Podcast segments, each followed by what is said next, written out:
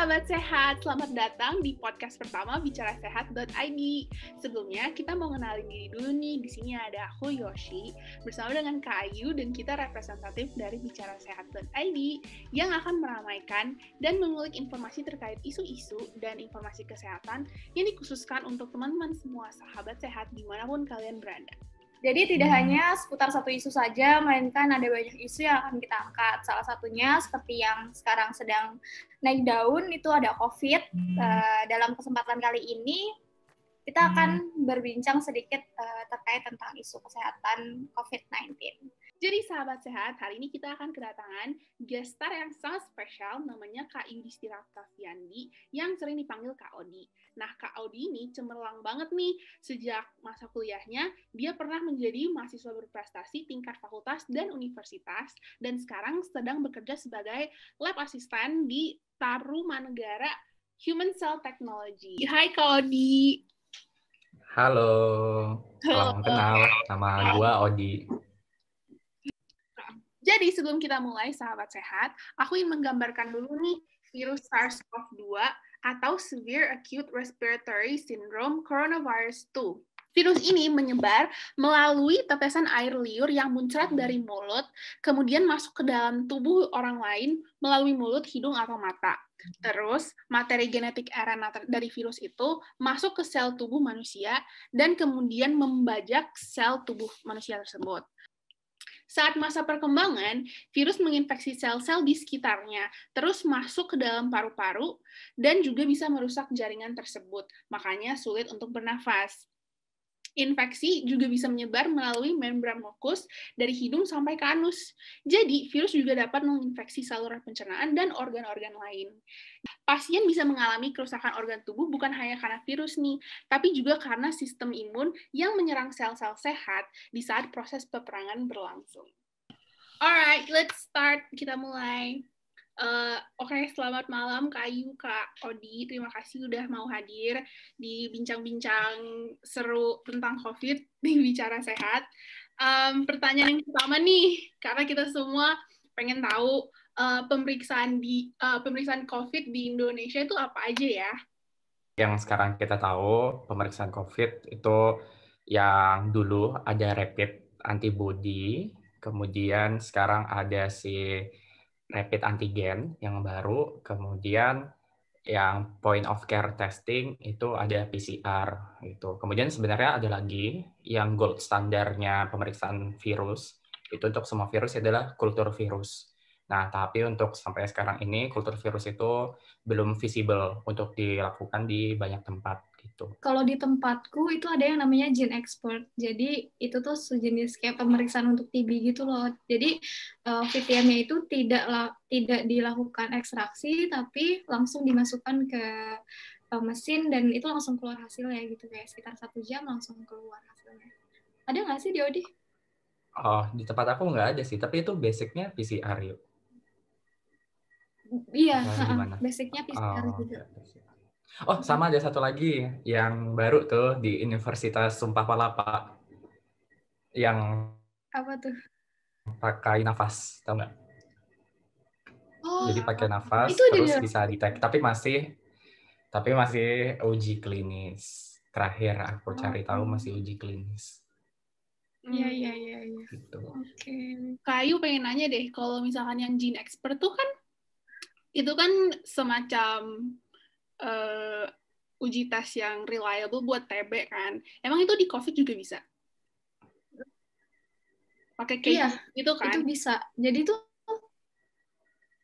ada cartridge-nya, ada cartridge-nya tapi emang spesifik untuk uh, apa setting mesinnya itu untuk uh, SARS-CoV SARS-CoV-2 itu gitu. Jadi oh. uh, kalau secara apa kalau secara metode mungkin itu basicnya emang PCR ya gitu. Jadi mungkin yang membedakan itu uh, apa dari segi waktu itu lebih efisien terus uh, missing antara pengerjaan juga jauh lebih sedikit gitu untuk uh, didapatkan hasil yang lebih akurat gitu. Karena kalau proses ekstraksi kan ya bisa jadi kayak uh, mempengaruhi kualitas nantinya gitu. Kalau ini literally kayak cepet langsung keluar hasil. Dan harganya juga berbeda gitu. dibanding dengan yang biasanya. Iya ya. Oke, makasih jawabannya. Pertanyaan selanjutnya, um, gimana sih caranya menganalisis data? Apakah itu positif atau negatif COVID? Kita satu-satu ya. Jadi yang gampang dulu, um, kan ada pemeriksaan rapid. Jadi ada rapid antibody. Nah, rapid antibody ini yang dicek itu adalah antibody di tubuh kita yang sudah berkembang ketika kita sudah um, infeksi. Nah, tetapi um, trade-off dari rapid ini sebenarnya adalah uh, pembentuk antibody itu nunggu nunggu waktu infeksi. Jadi ketika pertama kali kita infeksi itu uh, belum bisa langsung didetek padahal di tubuh kita udah ada virusnya nih gitu. Tapi karena tubuh kita belum bentuk antibodinya otomatis ketika didetek ke detect pasti negatif. Padahal saat itu kita sudah bisa menyebarkan virus gitu. Jadi kenapa di si rapid antibody itu nggak terlalu bagus ya kan? Makanya sekarang udah hampir jarang banget dipakai. Nah yang dipakai itu sekarang adalah si rapid antigen. Untuk yang rapid rapid antigen ini sendiri dia itu uh, meriksa uh, nukleokapsid dari virus. Berarti yang dideteksi itu adalah virusnya langsung jadi ketika pertama kali kita infeksi virus walaupun si virusnya itu dia belum apa belum bereplikasi di dalam tubuh kita tapi kita udah bisa detect gitu. Itu um, rapid antigen. Nah, makanya sekarang rapid antigen itu um, sudah mau dikembangkan jadi uh, point of care testing untuk menggantikan PCR. Tapi belum ada ketentuan sekarang dari WHO karena masih nunggu hasil clinical trial gitu. Apakah benar-benar sudah bisa dipakai jadi point of care testing untuk menggantikan PCR. Nah, um, karena yang didetek itu si nukleokapsid, bukan spike protein. Jadi kan kalau kita dengar yang baru-baru ini itu ada masalah dengan um, varian baru. Nah, varian baru itu kebetulan ada mutasinya itu di spike protein gitu. Uh, protein di permukaan si virus. Tapi untuk deteksi dengan apa baik dengan si antibody kemudian dengan si antigen itu tidak mendeteksi spike protein. Jadi tidak ada masalah untuk pengetesan uh, varian lama ataupun ataupun varian baru. Tidak ada penurunan efisiensi gitu. Jadi itu yang didetek. Kemudian lanjut lagi ke PCR nih. Nah, PCR itu yang didetek apa? Yang didetek itu adalah gennya. Um, di sini mungkin gennya itu kita ibaratkan kayak apa ya? Kayak teks proklamasi gitu. Nah, si teks proklamasinya ini kan banyak banget teksnya. Kita tuh nggak bisa detect dari awal paragraf sampai akhir kita tag itu cuma beberapa kata. Nah, beberapa katanya itu, itulah yang tadi aku dan Ayu sebut. Jadi beberapa katanya itu ada si RDRP, ada N, ada E, gitu. Jadi itu bagian dari teks proklamasinya ini, seperti itu. Mungkin ibaratnya RDRP itu paragraf 1, E itu paragraf 2, N itu paragraf 3, gitu. Jadi kita tuh cuma ngecek frasa-frasanya aja di dalam si teks proklamasi gitu. Nah, pengecekannya itu beda-beda frasanya yang mau dicek berdasarkan si manufakturnya. Jadi kalau misalkan tadi aku bilang di Amerika dia itu ngeceknya um, N1 dan N2 gitu paragraf terakhir misalkan. Terus kalau si Cina itu dia uh, ORF1AB dan N paragraf depan dan akhir. Kemudian ada juga yang ngeceknya itu gen E paragraf di tengah. Jadi kayak gitu. Nah, yang di langsung karena kita langsung ngecek si apa sih manuskripnya itu langsung si virusnya berarti kita langsung ngecek gen si virus gitu. Jadi uh, apa akurasinya itu yang paling tinggi untuk point of care testing. Kemudian yang terakhir yang aku bilang ada gold standarnya banget nih pemeriksaan itu adalah kultur virus. Kultur virus itu gimana? Jadi kita uh, apa membiakkan si virusnya gitu. Jadi kalau misalkan ketika dibiarkan dia berhasil, jadi banyak virusnya, berarti benar kita awalnya punya virus. Tapi ketika kita uh, apa berusaha membiarkan virusnya, tapi ternyata virusnya tidak tumbuh, berarti um, si virusnya itu mungkin awalnya sudah menginfeksi kita, tapi sudah dinetralisasi, jadi dia nggak bisa memperbanyak diri lagi, berarti sudah aman seperti itu. Jadi um, bedanya antara semuanya tadi itu intinya sebenarnya adalah kalau rapid antibody itu dia nggak meriksa virusnya langsung, tapi untuk pemeriksaan yang lain itu dia langsung meriksa virusnya ada atau tidak. Kalau untuk e-gene, RDRT, uh, engine gitu itu bisa diibaratkan kayak lapisan kulit kita nggak sih, Ot? Misalnya kayak uh, eh, RDRT ya, itu bagian benar. mesoderm. Hmm, bagian benar, luar itu, itu apa? Kalau di ininya ya, Hmm. Itu untuk berarti dibentuk virusnya gitu ya, maksudnya Ayu ya? Iya. Iya, jadi yang yang bagian luar itu sebenarnya ada ada beberapa. Jadi untuk yang menonjol, kalau misalkan kita lihat di gambar virusnya itu ada spike protein, tapi ada juga si uh, membran glikoprotein gitu. Jadi sebenarnya ada beberapa. Kemudian um, ada si envelope baru N ya yuk. Iya, iya. Iya benar. Envelope baru si N. N itu di dalam. Jadi yang paling luar itu si spike sama membran glycoprotein, kemudian di dalamnya ada envelope, baru di dalamnya lagi ada nukleokapsid atau N. Gitu. Berarti kalau misalnya uh, Odi uh, ada option nih, uh, kira-kira kalau misalnya pilih reagen yang menggunakan gen tersebut, kira-kira Odi bakalan choose yang mana? Jadi maksudnya di antara apa nih antara metode testing atau antara si gen yang mau dideteksi? Gen gen deteksinya. Gen deteksi ya berarti kalau buat PCR sih aku uh, yang pasti pertama kita nggak boleh pilih satu gitu Iya. Nah, iya, jadi itu ada ada di aku nggak tahu ya, ada di beberapa tempat yang dia tuh ngeceknya satu doang. Jadi karena mereka berusaha ini berusaha untuk memenuhi keinginan pasien. pasien kan pasti inginnya negatif. Nah, jadi dia sengaja gitu ngeceknya satu doang biar um, apa kemungkinan positifnya tuh lebih kecil kan gitu. itu nggak bagus ya, nggak boleh dicontoh. Iya, oh, ya. uh, jadi kalau misalkan aku pilih, nggak, yang pasti nggak pilih satu, aku pilih dua atau tiga. Yang aku pilih sih si RDRP sama si N gitu. Jadi benar-benar bagian dalamnya. Oke, setuju. Aku juga. Nah, buat teman-teman nantinya yang mau melakukan pemeriksaan tes SARS-CoV, mungkin bisa uh, apa? Terkadang banyak rumah sakit juga yang hanya menampilkan positif dan negatif aja, Ot. Jadi tanpa hmm. menampilkan gen tanpa menampilkan gen-gen tersebut gitu. Jadi kan kayak kita hmm. nggak tahu kita uh, negatif uh, atau enggak positif gitu. Tapi kalau kalau ya kalau positif CT kita berapa gitu kan bisa dijadikan sebagai prevention untuk kita juga gitu. Kalau hmm. misalnya masih di bawah berarti kita harus lebih banyak istirahat atau segala macam gitu. Nah, ini salah satu uh, tips buat teman-teman semua di rumah yang mendengarkan uh, rekaman ini agar bisa lebih selektif untuk uh, melakukan pendeteksian nantinya kayak gitu. Oke. Okay. Oh, tapi ada ini loh, yuk, ada aturan menteri yang nggak boleh sebenarnya memberikan hasil CT dan juga gen yang dideteksi pada um, pelaporan positif negatif kalau nggak salah. Lupa. Oh, iya? Ada aturan menteri. Iya. Tapi, tapi, tapi kalau pasien minta itu boleh sebenarnya iya.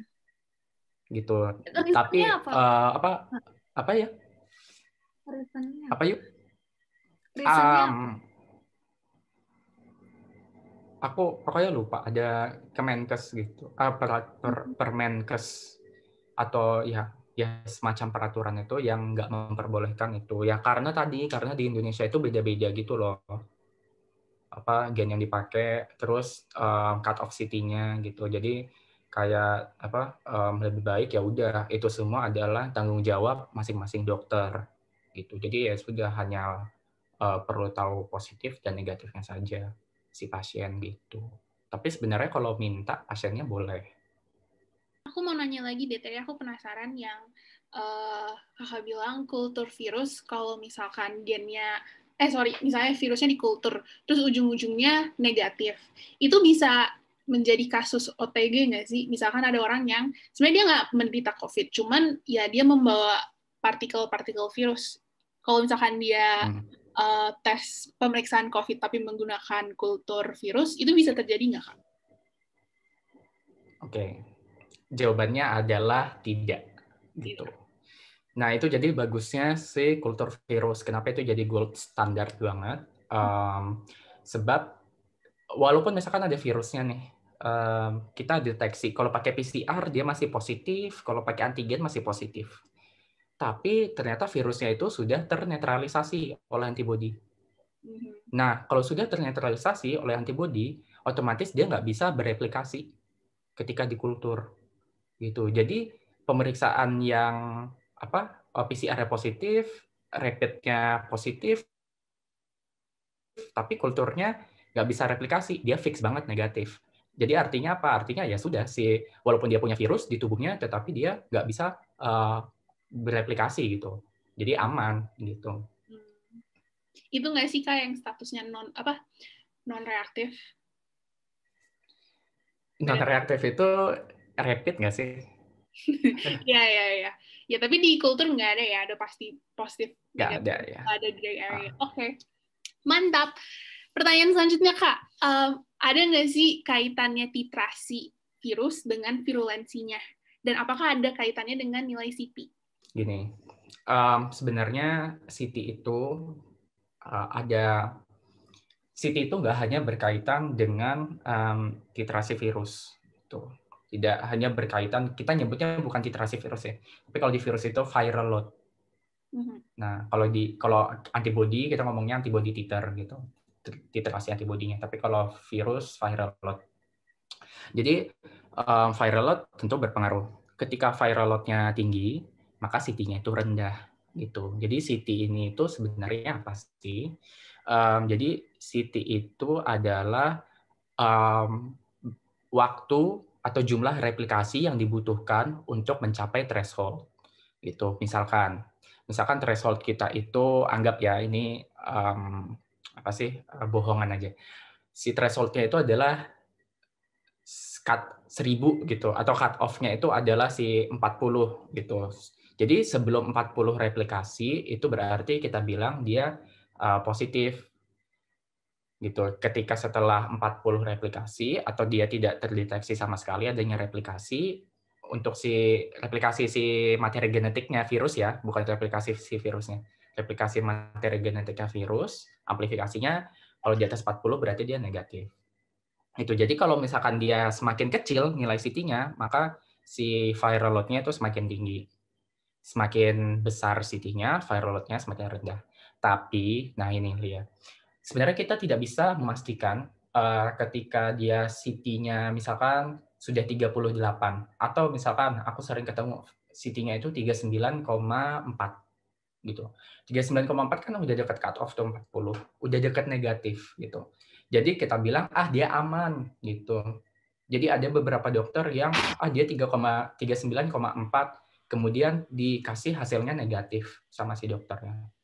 Padahal nilai CT itu ya benar dia bisa memastikan um, si titer virus si viral loadnya tapi tidak bisa memastikan memastikan virulensinya bisa jadi ketika CT-nya itu 39,4 dia itu bisa masih menularkan virus tersebut ke host lainnya ke manusia lainnya gitu. Jadi nggak ada sampai sekarang itu kita belum punya data kalau yang menyatakan bahwa kalau misalkan viral load-nya sekian atau kalau misalkan CT dari hasil PCR-nya sekian, dia sudah tidak menularkan virus lagi gitu. Justru sebenarnya yang paling berbahaya itu adalah si penularan virusnya ini. Iya. Ketika kita CT-nya bilang 39,4 padahal dia jelas-jelas masih positif, kalau berdasarkan mesin, tapi dokternya kekeh untuk memberikan hasilnya negatif karena sudah dekat negatif, karena paksaan dari pasien juga gitu kan ya ya itu sangat berbahaya sebenarnya buat surveillance kita gitu. Malah sebenarnya dalam keadaan krusial seperti ini itu lebih baik false positif itu. Lebih baik salah mendiagnosis orang positif daripada kita sengaja mendiagnosis orang negatif gitu. Yang malah bisa menyebabkan virus itu uh, makin menyebar di masyarakat. Tapi terkadang bagusnya ada rumah sakit yang uh, ketika pasien tersebut didiagnosis misalnya sudah negatif gitu, itu udah melebihi cut off-nya 40. Nah, hmm. pasien tersebut harus uh, swab lagi dalam jangka waktu satu minggu atau dua minggu setelah pasien itu dinyatakan negatif gitu. Jadi ada konfirmasi. Oh iya, ada yang kayak gitu. Ada. Tapi nggak banyak ya, cuma beberapa rumah sakit aja. Bagusnya iya. gitu. gitu. Nggak boleh promosi rumah sakit ya kita ya? Oh, jangan. Padahal pasti yang nonton mau tahu ini tempat periksa-periksa yang bagus ini yang mana. Apalagi kemarin baru ada ini kan profisiensi tes dari WHO tahu nggak? Iya tahu. Uh, ikut eh, labnya ikut. Aku. Iya lab aku juga ikut, ikut. gitu. Tapi kita nggak boleh promosi ya lab mana yang ikut profisiensi ya. gitu ya. Cari tahu aja Ayu sama aku kerja di mana. Iya, mungkin bisa di MDM. Oke. Okay. Keren, keren. Jadi, uh, oke. Okay. Berarti Ot yang sekarang ingin aku highlight berarti untuk uh, menentukan uh, pasien itu semakin rendah pasien itu uh, nilai CT-nya berarti viral load-nya itu semakin tinggi gitu ya. Makin tinggi, Bisa benar. Menularkan Tapi, ke sesama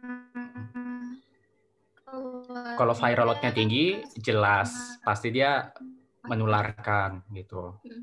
Ini ayo terpotong-potong, jadi aku tebak-tebak aja ya pertanyaannya. Tapi kak itu nggak menjadikan tingkat virulensi um, SARS-CoV-2-nya kan? Maksudnya Enggak. viral load-nya itu nggak menjamin apakah virus ini Enggak. dapat mm. menularkan kepada iya. Okay. Jadi virusnya bisa aja sedikit, tapi dia sangat apa? Sangat virulen gitu. Hmm. Oke, okay, ya teman-teman hati-hati ya. Pokoknya selalu menjaga protokol kesehatan. Oke, okay, next question. Kak, bisa nggak sih uh, ada false di antara pemeriksaan itu? Kayak misalkan nih di PCR, um, ada yang, um, misalkan PCR udah gold standard uh, untuk COVID-19, tapi masih bisa nggak ada possibility dia false? um, kalau possibility false itu pasti ada gitu. Um, kalau di PCR itulah kenapa uh, digunakan 2 sampai 3 gen. Tujuannya apa? Untuk meningkatkan akurasi gitu. Jadi dua gen sebenarnya udah cukup gitu um, untuk meningkatkan akurasinya. False-nya itu biasanya terjadi di mana uh, memang cross reactions jadi sudah ada penelitiannya, apakah uh, eh, PCR itu bisa menimbulkan cross reactions dengan si gen-gen selain dari si SARS-CoV-2. Cross reactions ini yang menyebabkan um, adanya false positif. Jadi ternyata dia nggak kena coronavirus, nggak kena COVID-19, tapi dia PCR positif. Nah ternyata yang teramplifikasi gennya virus lain itu bisa. Tapi berdasarkan hasil tes tersebut, penelitian tersebut, itu untuk virus-virus yang biasa um, ditemukan misalkan influenza, kemudian um, apa ya virus yang sering tersebar di di lingkungan gitu, terutama yang seasonal itu itu nggak ada cross reaction sama sekali gitu. Nah cross reactionsnya itu dengan, dengan apa? Dengan SARS-CoV dan MERS. Tapi kalau misalkan kita trace back balik, um, SARS-CoV dan MERS itu sekarang itu kasusnya jumlah kasusnya sudah sangat sedikit. Atau misalkan bisa juga dia cross reactions-nya itu dengan uh, coronavirus yang lainnya yang tersebar di alam, tapi bukan yang berbahaya. Itu bukan si SARS-CoV-2, bukan MERS, bukan uh, SARS-CoV yang dulu itu. Itu bisa banget. Tapi semua itu angkanya sangat kecil kemungkinannya itu sangat kecil, apalagi sudah dideteksi dengan dua gen. Makanya ketika dia ada dua gen uh, terdeteksi positif, ya udah itu udah pasti positif gitu. Atau misalkan satu gen terdeteksi positif gitu, ya bisa jadi itu adalah kesalahan gitu. Tapi kan alangkah lebih baik ketika kita ya sudah um, orang tersebut kita bilang positif saja gitu daripada kita apa tetapkan dia negatif nanti malah menyebarkan virus ternyata ke mana-mana gitu. Hmm. Oke kak, ada pertanyaan lanjut nih kalau apa ya kira-kira yang bisa menyebabkan hasilnya tuh false meskipun udah PCR udah gold standard, kira-kira hal-hal teknis apa sih yang bisa membuat hasilnya itu false, either false positif atau false negatif? Oke, okay, nah ini ini juga salah satu yang aku apa ya aku ngeliat di sosial media itu agak takut sih. Jadi yang bisa menyebabkan false nih ada swabber, ngeswabnya tuh kayak ngupil. Jadi cuma di ujung hidung. Iya itu itu aneh banget. Padahal kita, padahal sudah jelas-jelas kalau misalkan um, virusnya itu adanya di nasofaring, di orofaring, atau bahkan anal gitu. Nggak ada yang di ujung hidung gitu, gelitik-gelitik doang kayak ngupil itu nggak ada gitu. Nah aku pernah lihat di salah satu um, Instagramnya influencer lah gitu. Lebih tepatnya dia motivator ya, bukan influencer. Instagramnya motivator. Dia lagi dites kemudian dia di swab. Terus swabnya itu nggak dicolok ke dalam, tapi ujung swabnya itu cuma di ubek-ubek di hidung aja gitu. Kayak ngupil, persis kayak ngupil gitu. Iya. Nah, kalau yang seperti itu, kalau misalkan viral load-nya dia lagi rendah, pasti nggak akan terdeteksi. Kecuali dia benar-benar um, sakit gitu, viral load-nya lagi tinggi-tingginya gitu. Mungkin di hidung aja dia bisa dapat virusnya. Tapi kalau viral load-nya lagi rendah, baru infeksi pertama kali gitu, ya dia nggak akan bisa pasti akan jadi negatif gitu.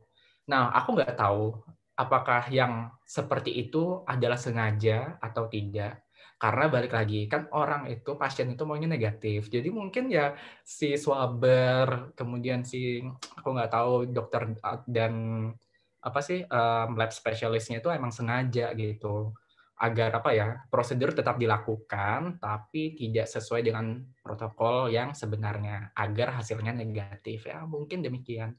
Sama seperti halnya kalau di lab tadi uh, itu kan di swab ya.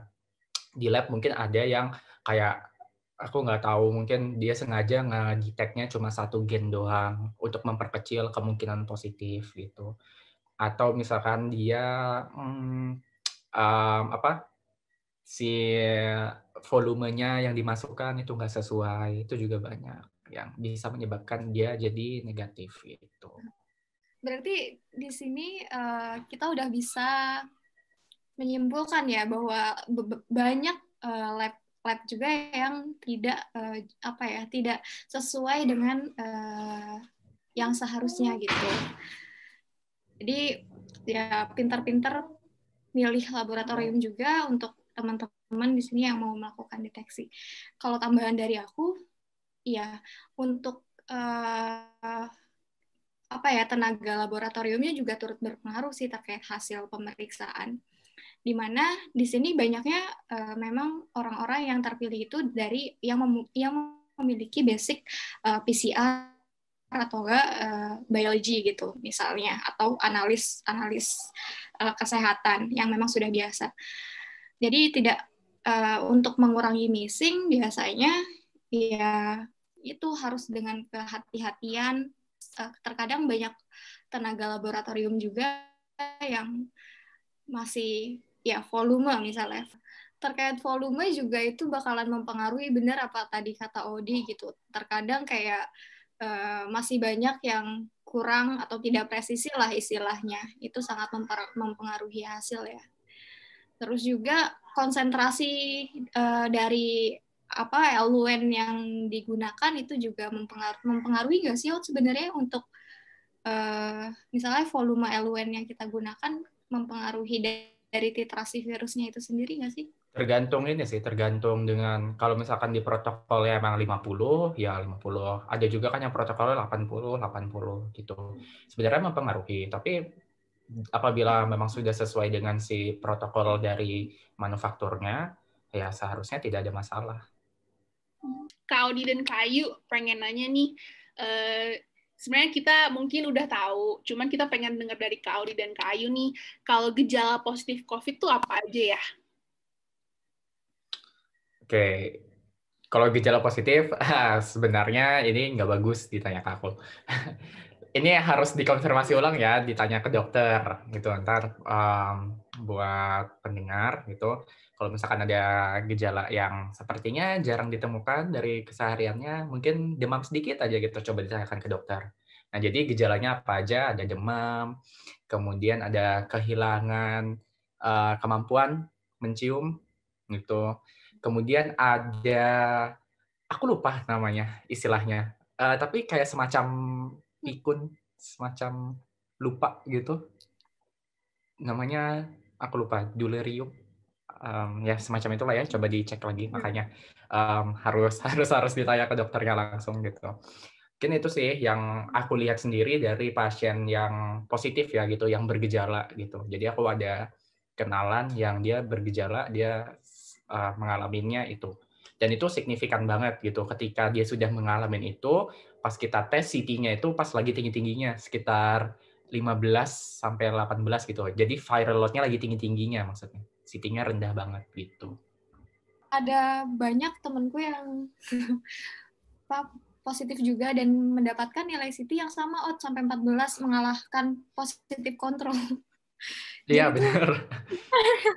Kadang kalau lihat grafiknya itu kayak wow tinggi banget gitu. Itu ada yang namanya ya, kehilangan indera perasa, indera penciuman, demam udah pasti ya. Jadi setiap kali dia makan tuh eh, apa tidak berasa gitu, tidak bisa merasakan makanan. Terus uh, flu juga, ada batuk juga, dan ada uh, sesak nafas gitu. Sesak nafasnya yang uh, ya sesak nafasnya yang berat gitu, bukan seperti asma itu beda gitu. Terus juga ada lemas, gejala lemas, meriang-meriang juga. oh ini ini ada namanya uh, delirium. Jadi hmm. dia kayak kebingungan gitu. Hmm, Ya, itu itu beneran. Jadi dia dia sendiri yang cerita gitu. Ketika dia diisolasi, dia itu hmm. tapi kan padahal gejala delirium itu gejala kebingungan gitu kan, tapi nggak tahu gimana dia kok bisa ingat kebingungannya dia gitu.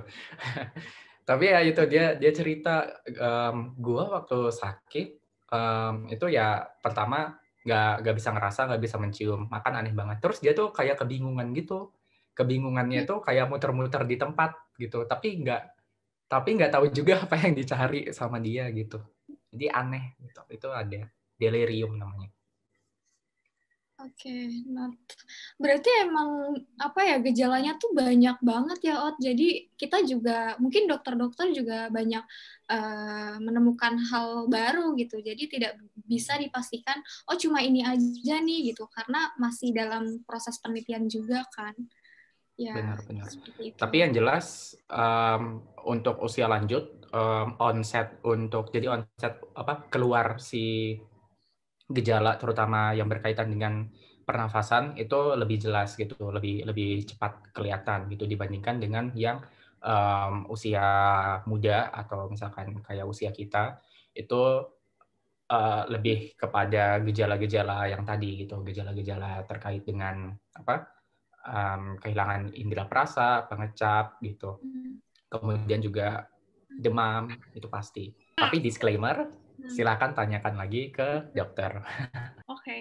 tadi aku pengen nanya sih kak, cuman uh, kayaknya ini juga jawabannya bakal kembali lagi ke dokter.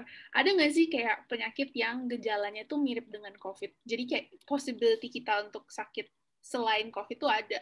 Apa tuh yuk? Demam sih, pasti demam itu demam itu kan um, respon tubuh gitu untuk uh, melawan penyakit gitu jadi nggak bisa makanya ketika kita demam itu harus tahu juga kita ada ngerasa nggak uh, pernafasan itu berubah perasa berubah gitu karena itu um, yang jelas gitu karena kan dia di saluran saluran pernafasan hmm. menyerangnya gitu jadi yang pasti yang terkait dengan daerah uh, tersebut gitu ada juga yang diare. Nah, aku lupa mention tadi. Karena makanya ada juga yang diperiksanya tuh dengan anal, swab anal. Iya. Gitu. Yang biasanya dia susah di apa? Susah diambil sampelnya dari nasooro, dia swab anal. Termasuk bayi. Bayi biasanya swab anal. Berarti sistem ekskresi ya, Ot, yang berpengaruh juga gitu. Maksudnya kayak Iya, ada juga. Ke... Karena kan dia nyerangnya ACE ya, ACE 2 ya. ACE2 itu dia ada ditemukan di saluran pencernaan juga. Makasih Kak. Oke, pertanyaan selanjutnya. Uh, boleh nggak kita minta uh, penjelasan kakak singkat aja tentang gen-gen um, yang dideteksi pada SARS-CoV-2 seperti gen ORF1AB, or E gene, atau RD, RP, or engine. Ini penjelasan apanya nih? Kalau misalkan yang tadi kan sebelumnya udah aku jelasin hmm. um, jenis-jenis gennya. Um, yang diperiksa itu tadi si gen E, RDRP segala macam itu ibarat frasa atau paragraf pada yeah, naskah proklamasi itu. Tapi kalau misalkan di gennya sendiri, di whole genomnya itu um, si gen-gen itu ya yang mengekspresi bagian-bagian dari si virus COVID ini gitu. Um, si ORF1AB misalkan ORF1AB itu dia sebenarnya di dalamnya di dalamnya itu ada dua gen gitu ada si RDRP sama aku lupa satu lagi itu helikase kalau nggak salah. Kemudian um, itu buat apa? Itu buat si replikasi virusnya gitu. Jadi kalau misalkan dia nggak punya gen itu dia nggak bisa replikasi. Kemudian ada juga si membran glikoprotein kemudian ada si envelope envelope dulu. Kemudian ada si spike um, glikoprotein gitu. Si protein spike kemudian ada apa lagi ya? Um, itu sih yang umumnya dipakai untuk pemeriksaan ya. Hmm. berarti mungkin dia ada yang tambahkan yuk yang kurang? Eh, sorry kayu. Overall sama. Jadi uh, itu adalah ekspresi dari virusnya ya. Maksudnya kayak ketika itu dideteksi ya berarti uh, ada loh si sarkofnya gitu. Hmm. Berarti gen-gen tersebut yang kakak udah mention, kayak envelope gene atau gen ORF1AB, RDRP, itu semua spesifik ke SARS-CoV-2 kan, makanya dia uh, digunakan untuk PCR. Udah pasti spesifik, iya, tapi mungkin bisa dibilang kayak 90-an persen gitu. Makanya hmm. tadi dia masih bisa dia ada juga ditemukan di SARS-CoV biasa yang bukan SARS-CoV-2 dan juga di MERS. Dia punya gen-gen itu juga. Tap, makanya bisa cross reactions yang tadi aku bilang PCR-nya. Makanya dia bisa false positif gitu. Tapi itu um, chance-nya sangat rendah gitu. Jadi kalau misalnya dibilang spesifik, iya 90%, tapi masih ada sekitar 10% um, apa cross reaction. Hmm. Hey, terima kasih Kak. Oke, next Kak. Kak Odi, boleh curhat dikit gak? Gimana sih kesannya berada di ranah pemeriksaan COVID? Yang kayu juga. Oke, okay, um, sebenarnya gimana kalau misalkan ya kalau dibilang gimana ya um, kita itu bisa dibilang ya memang front line gitu karena kalau tanpa ada pemeriksaan diagnosis itu nggak ada care apalagi PCR itu yang tadi aku bilang point of care testing. Jadi testing yang dilakukan sebelum memberikan um, apa perawatan gitu. Jadi krusial gitu. Jadi ya memang di front. Tapi um, gimana ya? Kalau misalkan dibilang kalau perang nih, apakah le lebih berbahaya kita kehilangan nyawa yang di lab ini, yang di bench, atau yang ketemu pasien? Itu sebenarnya yang ketemu pasien. Karena kalau yang di bench itu kita bisa kontrol gitu loh semuanya. It depends on us gitu. Kalau kitanya kerjanya apa? serabutan gitu, uh, barbar, ya chance kenanya itu besar. Kayak ada di beberapa lab yang seperti itu, yang cuma pakai APD-nya apa doang gitu, nggak nggak nggak yang standar gitu. Tapi kalau misalnya kita kerjanya rapi, hati-hati, sesuai standar, ya itu kita aman. Beda dengan frontliner lainnya, yang ketemu pasien langsung. Kan tergantung pasiennya, gitu. Nggak bisa cuma tergantung diri kita.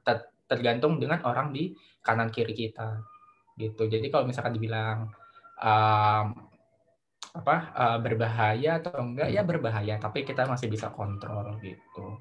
Kalau untuk di pemeriksaan COVID. Terus apa ya um, kadang juga pressure pressure-nya buat kita apa terutama yang misalkan mau sampel-sampel sito ya sampel-sampel sito itu sampel yang biasanya hasilnya harus keluar cepat karena dibutuhkan misalkan untuk operasi gitu jadi atau misalkan kalau sekarang kita sudah tahu kasusnya makin banyak lagi, IGD makin penuh, ruang makin penuh, jadi harus benar-benar pasien yang positif yang ditaruh dan yang berapa bergejala gitu. Jadi kita harus buru-buru cepat mengeluarkan hasil gitu. Nah itu pressure juga gitu. Jadi kadang apa harusnya udah jam pulang terus nggak jadi pulang gara-gara ada um, apa si sampel yang harus dikerjakan karena pasiennya sito gitu. Ada juga yang udah meninggal misalkan.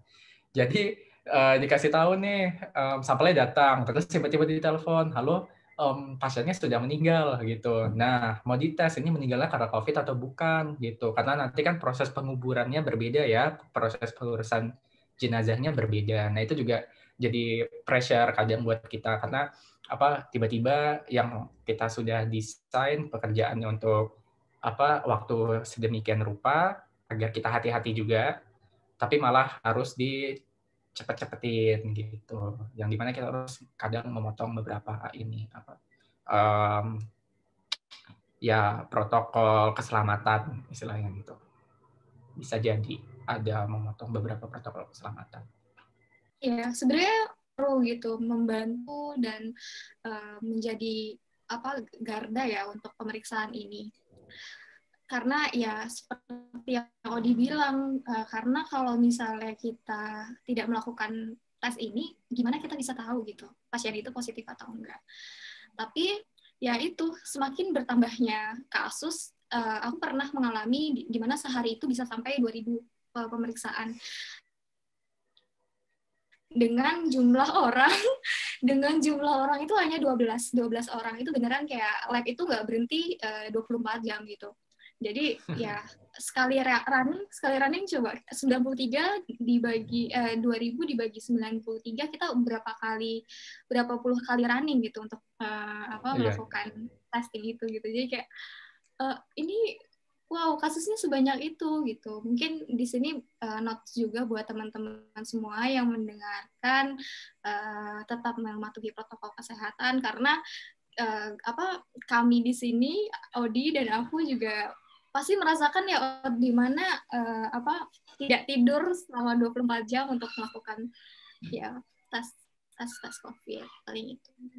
Kalau di tempat Ayu kan dikerjain semua ya. Nah kalau di tempat aku itu sehari itu PCR-nya cuma tiga kali. Nah jadi sering banyak backlog. Nah jadi yang backlog backlog itu tiba-tiba di telepon, halo pasiennya sudah meninggal gitu. Jadi jadi sampelnya harus dimajuin jadi ya gitu itu ironis banget maksudnya kan gitu kan masalah kita nggak bisa tiba-tiba harus memprioritaskan dia memprioritaskan orang yang kita maksudnya kan kita nggak tahu dia lagi kritis atau enggak gitu. Kan nggak ada tulisannya pasien kritis tolong didulukan. Enggak gitu.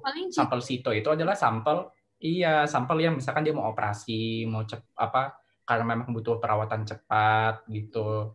Tapi kalau misalkan antriannya emang udah terlalu banyak dan kita kapasitasnya ngerjakan cuma apa sangat lebih kecil daripada sampel yang datang ya otomatis kejadiannya seperti itu um, halo pasien iya. nomor segini um, mohon ditunggu cepat karena sudah meninggal jadi iya. butuh apa um, untuk protokolnya apakah dia meninggal karena covid atau bukan gitu itu sih itu ironis banget gitu hmm, ya.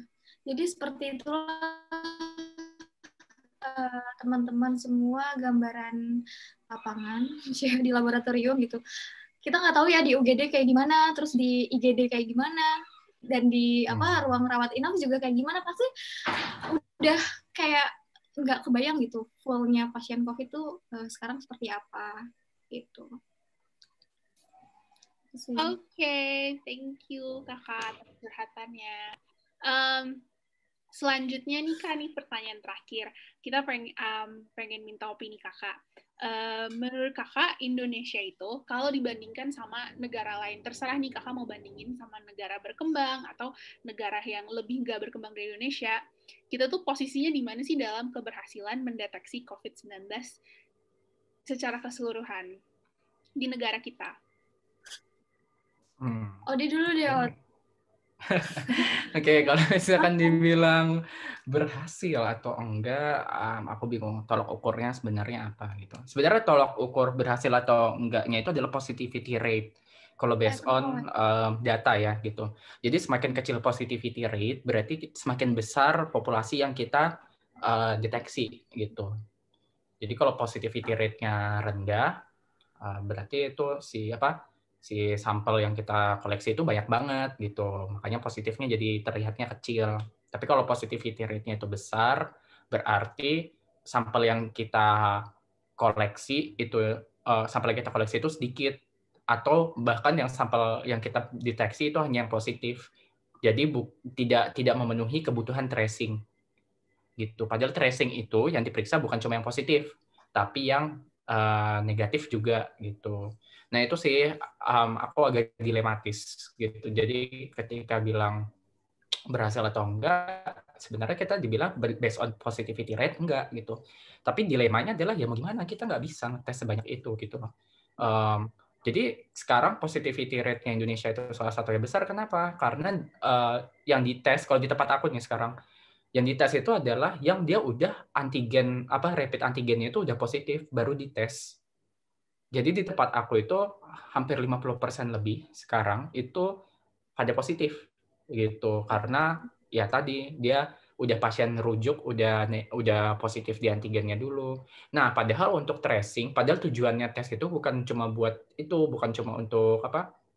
Nanti dia tahu positif atau enggak untuk saat itu saja, tapi untuk tracing terus-menerus kan gitu. Jadi banyak pasien di luar sana yang antigennya itu negatif, uh, padahal mungkin dia punya virusnya, jadi false negatif itu masih berkeliaran. Itulah kenapa kasus kita itu besar gitu. Nah, mau dibandingkannya sama siapa gitu yang positivity rate-nya itu rendah, yang paling gampang pasti Korea. Korea itu luar biasa, tapi ya tahu sendiri uh, budgetnya mereka itu besar gitu. Iya. Populasinya sama kayak Jawa Barat. Tapi Jawa Barat cuma punya 10% atau satu persen budget dari Korea gitu. Jadi makanya apa uh, mereka itu bisa melakukan testing sebesar itu. Nah sebenarnya tuh kita punya metode untuk bisa testing sebanyak itu. Itu seperti apa ya? Sebenarnya itu tuh permainan matematis gitu. Harusnya kita tuh punya mathematicians gitu atau I don't know someone related to that um, yang bisa optimasi lah gitu. Jadi contohnya di mana? Contohnya itu di Cina. Jadi di Cina itu uh, mereka itu gini, mereka nggak ngetes satu-satu untuk tracing, tapi mereka ngetesnya itu kolektif. Contohnya di mana? Misalkan satu keluarga atau misalkan satu RT itu dia dikumpulkan di satu um, satu file di di satu VTM gitu. Nah, jadi 10 orang dikumpulkan di satu VTM. Kalau misalkan di satu VTM itu positif, maka nanti 10 orang itu dites lagi. Tapi kalau misalkan di satu cup itu negatif, mereka nggak perlu tes lagi. Wow, itu sangat pintar sebenarnya gitu. Nah, kayak strategi-strategi gitu sebenarnya yang sekarang Indonesia itu butuh banget. Biar nggak rely, biar nggak apa um, bergantung dengan si rapid antigen gitu, yang belum jadi gold standarnya sekarang, yang belum jadi uh, point of care testing gitu. Tapi, tapi, tapi rapid antigen yang tadi aku bilang sekarang itu lagi mau diajukan sebagai point of care testing untuk menggantikan PCR, which means dia bakal semacam jadi gold standar baru gitu. Tapi kita masih belum tahu progresnya gitu. Di Eropa itu sudah ada beberapa negara yang pakai rapid antigen untuk pengecekan massal, Slovakia contohnya, gitu karena dia berdasarkan um, result preliminary dari UK kalau nggak salah. UK itu juga mau ganti gitu uh, point of care testingnya itu pakai si rapid antigen gitu. Okay. thank you kak. Menurutku itu juga membantu tahu yang kemarin ada kebijakan mau ke mana-mana pas apa pas liburan tuh harus pakai antigen, pakai PCR itu juga kayak membantu Indonesia dalam screening menurut aku karena ya betul yang kau dibilang tadi kayak kalau uh, yang di lab tuh biasanya yang almost most likely positif atau probable COVID deh, maksudnya yang negatif pun pasti mungkin dia menunjukkan gejala klinis. Ibaratnya kayak orang itu ke dokter dulu baru um, diterima. Kalau uh, at least ada kemajuan sih, kayak ada data yang bisa menggambarkan populasi Indonesia nggak cuman um, populasi yang kira-kira bakal COVID. Tapi yang jadi masalah sekarang itu sebenarnya ini sih karena kemunculan vaksin gitu. Hmm. Jadi ya tahulah uh, maksudnya media itu menjual dirinya dia sesuai dengan demandnya masyarakat kan. Masyarakat yeah. itu sekarang butuh apa sih dari berita? Butuh hope, butuh harapan gitu. Uh, makanya yang dijual oleh media itu adalah um, harapan tersebut. Oh, ada vaksin, vaksin udah datang, ini gini. Padahal sampai sekarang pun vaksinnya belum disuntikan. Iya kan? Betul. Gitu. Jadi kayak apa ya?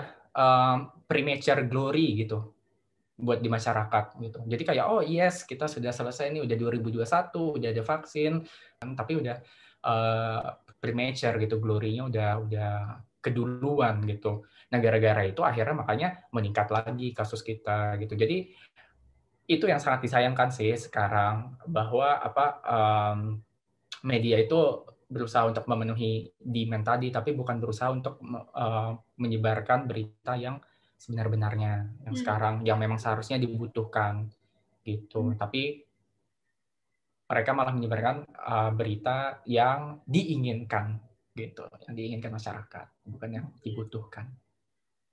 Yes. Buat kalian semua yang ingin yeah. melakukan pemeriksaan, um, pertama coba cari tahu dulu tempat uh, lab kalian periksa atau rumah sakit kalian periksa itu mereka uh, melakukan pemeriksaannya dengan metode PCR yang bagaimana gitu. Kalau misalkan tadi PCR yang bagaimana berarti ditanya uh, pakai gen apa saja yang dideteksi gitu. Kemudian kalau misalkan emang kalian um, ingin lebih detail tanyakan saja CT-nya berapa gitu. Walaupun sebenarnya itu tidak direkomendasikan oleh uh, Kementerian Kesehatan, tapi kalau kalian tanya itu kalian bisa. Nah, kemudian yang kedua apa? Ketika kalian mau tes um, secara continuous, jadi maksudnya mungkin kalian itu sibuk banget dan kalian harus pergian ke mana-mana.